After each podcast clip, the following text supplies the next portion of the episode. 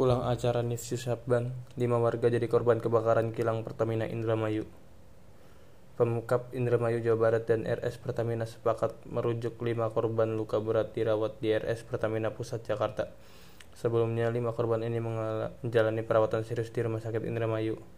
Benar, ada lima korban berat yang dirujuk ke RS Pertamina Pusat, kata PLT Sekretaris BPBD Indramayu Cahaya saat dihubungi detik.com Senin 29 Maret 2021.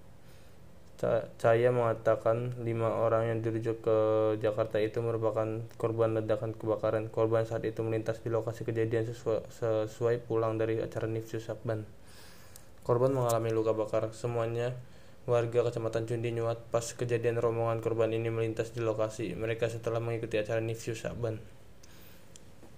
Dari data BPBD Indramayu, Lima korban yang mengalami luka bakar itu di antaranya Kosim, Abdul, Ibnu Aziz, Ahmad Asori, dan Khairul Ikhwan.